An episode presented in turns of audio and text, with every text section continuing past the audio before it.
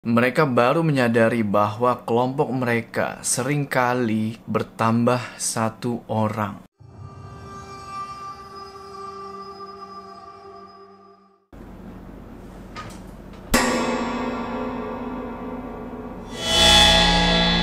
Assalamualaikum teman-teman Balik lagi sama gue Joe Apa kabar kalian semua? Semoga kalian semua yang menonton video ini diberikan kesehatan Dilancarkan rezekinya dan selalu dimudahkan urusan urusannya. Kita balik lagi di pendakian horormu, di mana di segmen ini gue akan menceritakan kembali kisah-kisah horor pendakian yang sudah kalian kirimkan ke email gue. Dan pada kali ini gue dapat cerita dari seseorang yang bernama Adan, di mana dia dan tujuh orang temannya mendaki ke Gunung Guntur.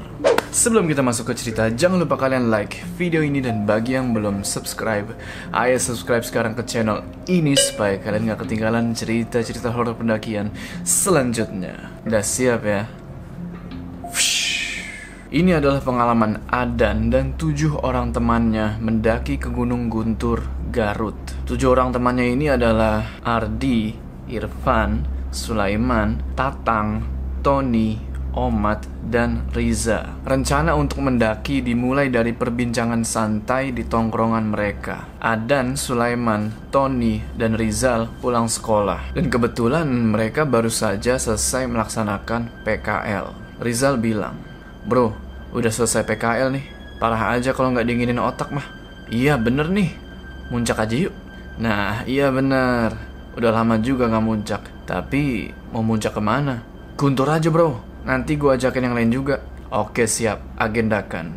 Mereka pun mengajak empat orang lagi, yaitu Irfan, Ardi, Omat, dan Tatang. Mereka memulai pemberangkatan pada hari Jumat pada tanggal 23 November 2018. Mereka berangkat dari stasiun Cimahi pada jam 7 malam dan sampai di stasiun Leles Garut pada jam 10 malam. Lalu mereka pun ngopi-ngopi di warung sambil menunggu angkutan untuk disewa menuju ke base camp. Mereka memutuskan untuk mencarter elf di perjalanan, mereka tersadar bahwa kondektur elf tersebut dalam keadaan mabuk dan terjadilah hal yang tidak diinginkan, yaitu si kondektur merokok pada saat mobil sedang mengisi bahan bakar di SPBU. Sontak mereka agak terkejut melihat pemandangan itu, tapi untungnya tidak terjadi hal-hal yang mengerikan.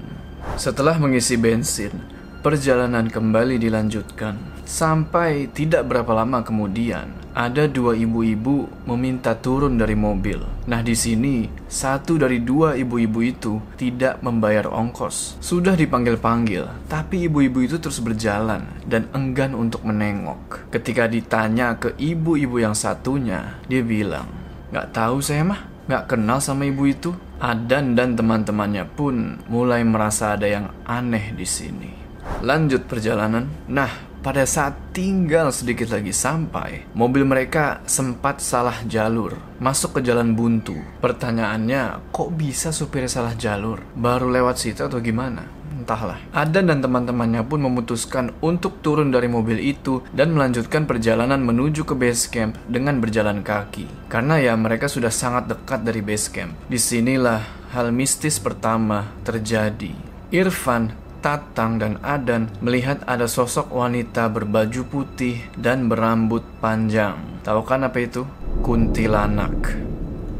Sosok itu berdiri di semak-semak sebelah kanan. Tidak ada satupun yang membicarakan hal itu. Singkat cerita, pada akhirnya mereka sampai di base camp pada jam 12 malam lewat 15 menit. Mereka bersih-bersih, makan-makan, ngopi, dan sebagainya, lalu istirahat sebentar. Rencananya mereka mau mendaki pada pukul 2 malam nanti. Mereka pun packing ulang, dan pada jam 2 malam mereka memulai pendakian. Tidak lupa mereka berdoa sebelumnya. Pendakian dimulai dengan posisi pertama Sulaiman, kedua Tatang, ketiga Adan, keempat Omat, kelima Irfan, keenam Ardi, tujuh Rizal, dan terakhir Tony sebagai sweeper. Perjalanan mereka diiringi oleh terang bulan. Bisa dibilang bulan purnama. Di tengah perjalanan menuju ke pos 1, mereka pun istirahat sebentar di jalan yang berbatu Lalu, salah satu dari mereka yaitu Omat Usil. dia melempar-lempar batu kecil dari belakang. Tatang langsung bilang, Mat, jangan lempar-lempar batu. Omat pun mengiyakan. Namun,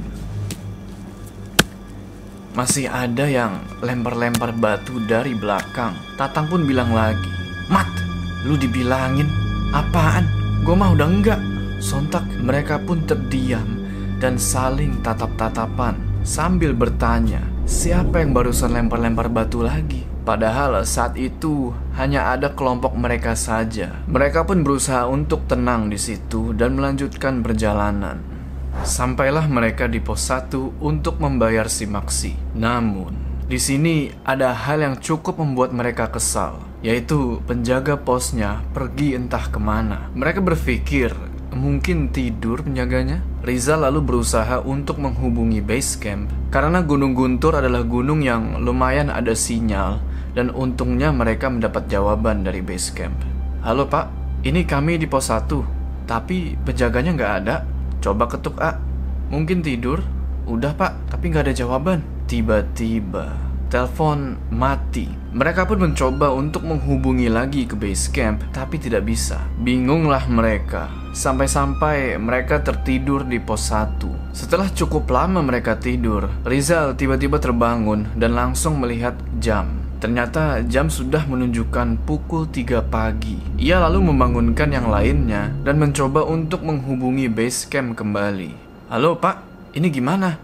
Masih nggak ada orang? Ya udah, kalian jalan aja. Nanti bilang ke pos pemeriksaan, penjaga pos satunya nggak ada. Kalian bisa bayar si Maksi pas pulangnya.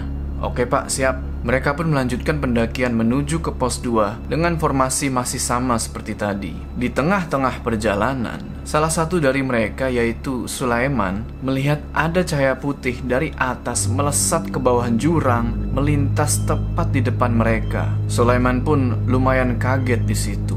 Tatang lalu bertanya, "Ada apa, Lek?" "Nggak ada apa-apa."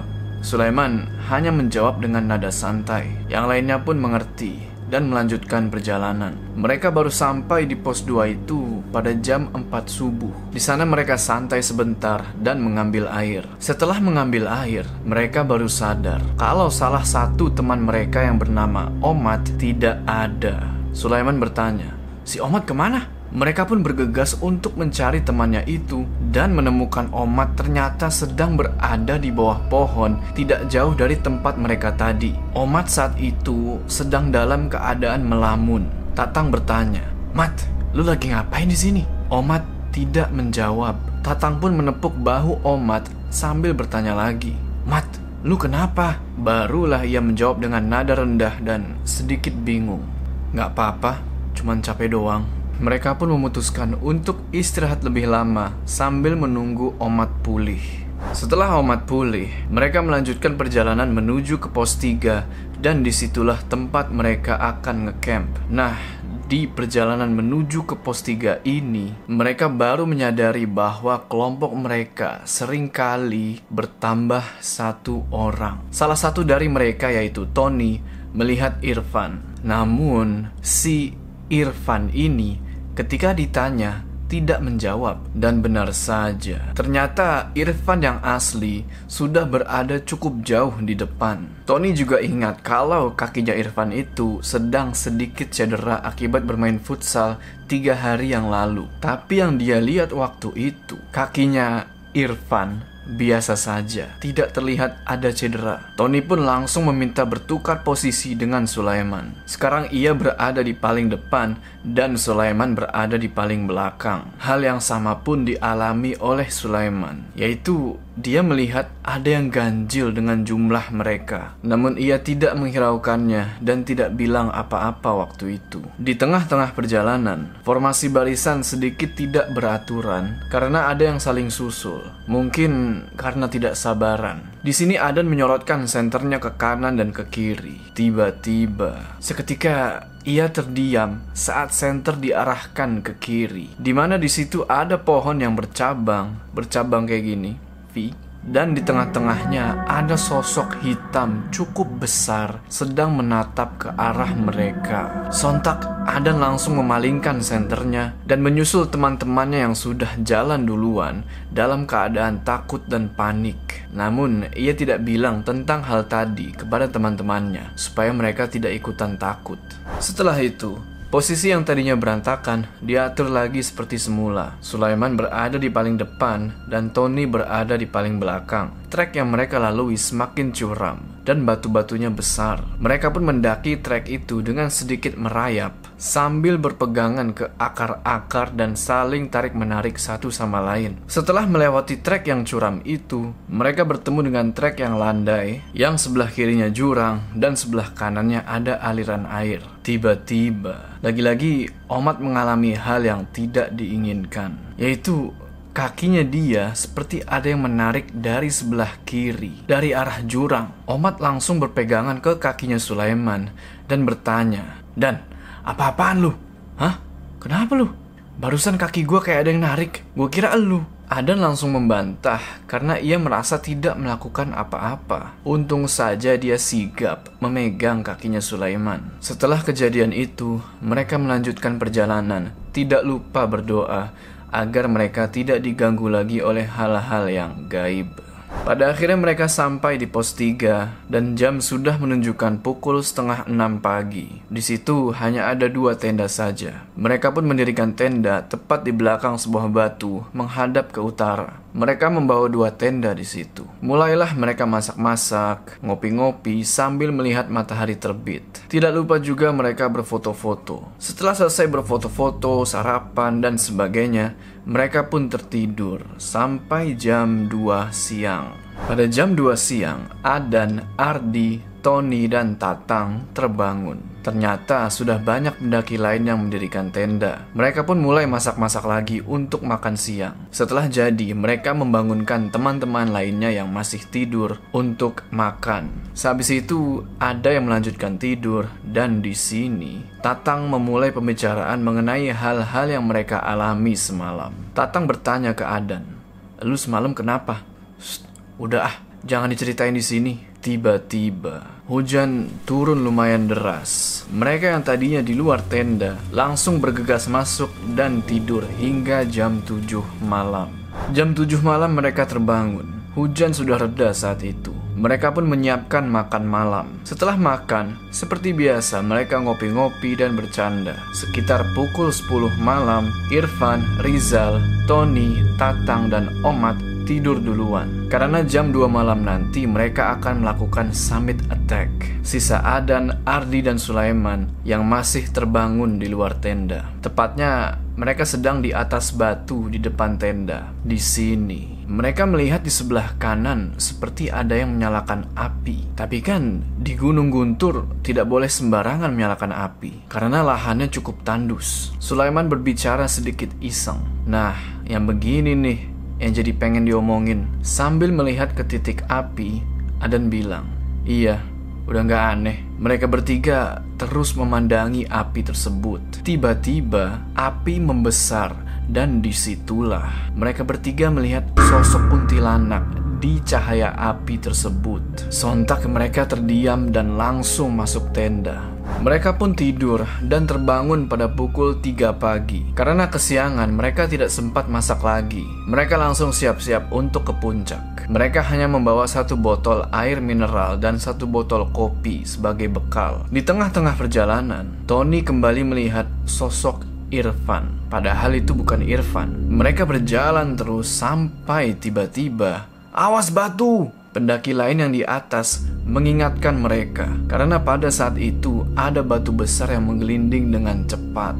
Mereka pun panik dan segera mencari tempat untuk berlindung. Tapi si Omat, Omat hanya terdiam padahal sudah diteriaki berkali-kali. Untungnya batu tidak mengarah ke dia dan semuanya baik-baik saja. Pendakian pun dilanjutkan. Puncak masih jauh dan persediaan air tinggal sedikit. Ardi sudah muntah-muntah dan Rizal sudah tidak kuat. Tapi mereka saling menyemangati satu sama lain sampai akhirnya mereka tiba di puncak pada jam 6 pagi. Mereka pun berfoto-foto dan menikmati pemandangan yang indah kurang lebih sekitar satu jam. Jam 7 pagi, mereka pun turun kembali ke tenda. Sampainya di tenda, mereka langsung masak-masak dan bersiap-siap untuk turun ke base camp. Di perjalanan turun ini, mereka tidak mengalami kejadian apa-apa. Tidak lupa, mereka membayar dulu si Maxi di pos 1 yang tidak ada penjaganya semalam. Singkat cerita, mereka sampai di base camp pada jam 10 pagi. Mereka langsung membersihkan badan dan bersantai sebentar. Jam 11 siang, mereka menuju ke stasiun Cicalengka dan pulang naik kereta. Nah, di kereta, mereka mulai bercerita tentang apa yang sebenarnya terjadi sewaktu di atas gunung. Ingat yang si Omat tiba-tiba hilang? Omat bilang kalau dia itu melihat sosok berwarna hitam. Sontak ia tiba-tiba merasa lemas dan setengah sadar. Makanya ia tertinggal oleh yang lainnya. Lalu Adan yang melihat sosok hitam di tengah-tengah pohon yang bercabang. Ternyata itu sosok yang sama seperti yang Omat lihat. Terus yang kaki Omat ditarik ke jurang. Sebenarnya Omat tahu kalau itu bukan Adan yang narik. Melainkan ada tangan tanpa badan menariknya dari bawah jurang tapi ia menyalahkan Adan supaya teman-teman yang lainnya tidak panik dan juga sosok Irfan yang dilihat Tony. Ternyata Sulaiman juga melihat si Irfan palsu itu. Mereka tidak berani cerita tentang hal-hal tersebut sewaktu di atas gunung karena mereka sudah berkomitmen. Kalau mengalami sesuatu yang aneh-aneh, jangan diceritakan sewaktu masih di atas gunung. Mereka berpikir, mungkin mereka diganggu itu karena awal-awal pendakian, Omat lempar-lempar batu sembarangan. Tapi entahlah, wallahu a'lam. Oke teman-teman, gimana tuh tadi ceritanya? Tulis pendapat kalian di kolom komentar ya. Pelajaran yang bisa diambil dari cerita ini adalah Jangan sompral ketika di gunung Dan jagalah sopan santun di mana pun kita berada Sebelum kita berpisah, jangan lupa kalian like video ini Dan bagi yang belum subscribe Bagi yang belum subscribe, ayo subscribe sekarang ke channel ini supaya kalian gak ketinggalan cerita-cerita horor selanjutnya. Gua Jo, sampai ketemu di cerita selanjutnya.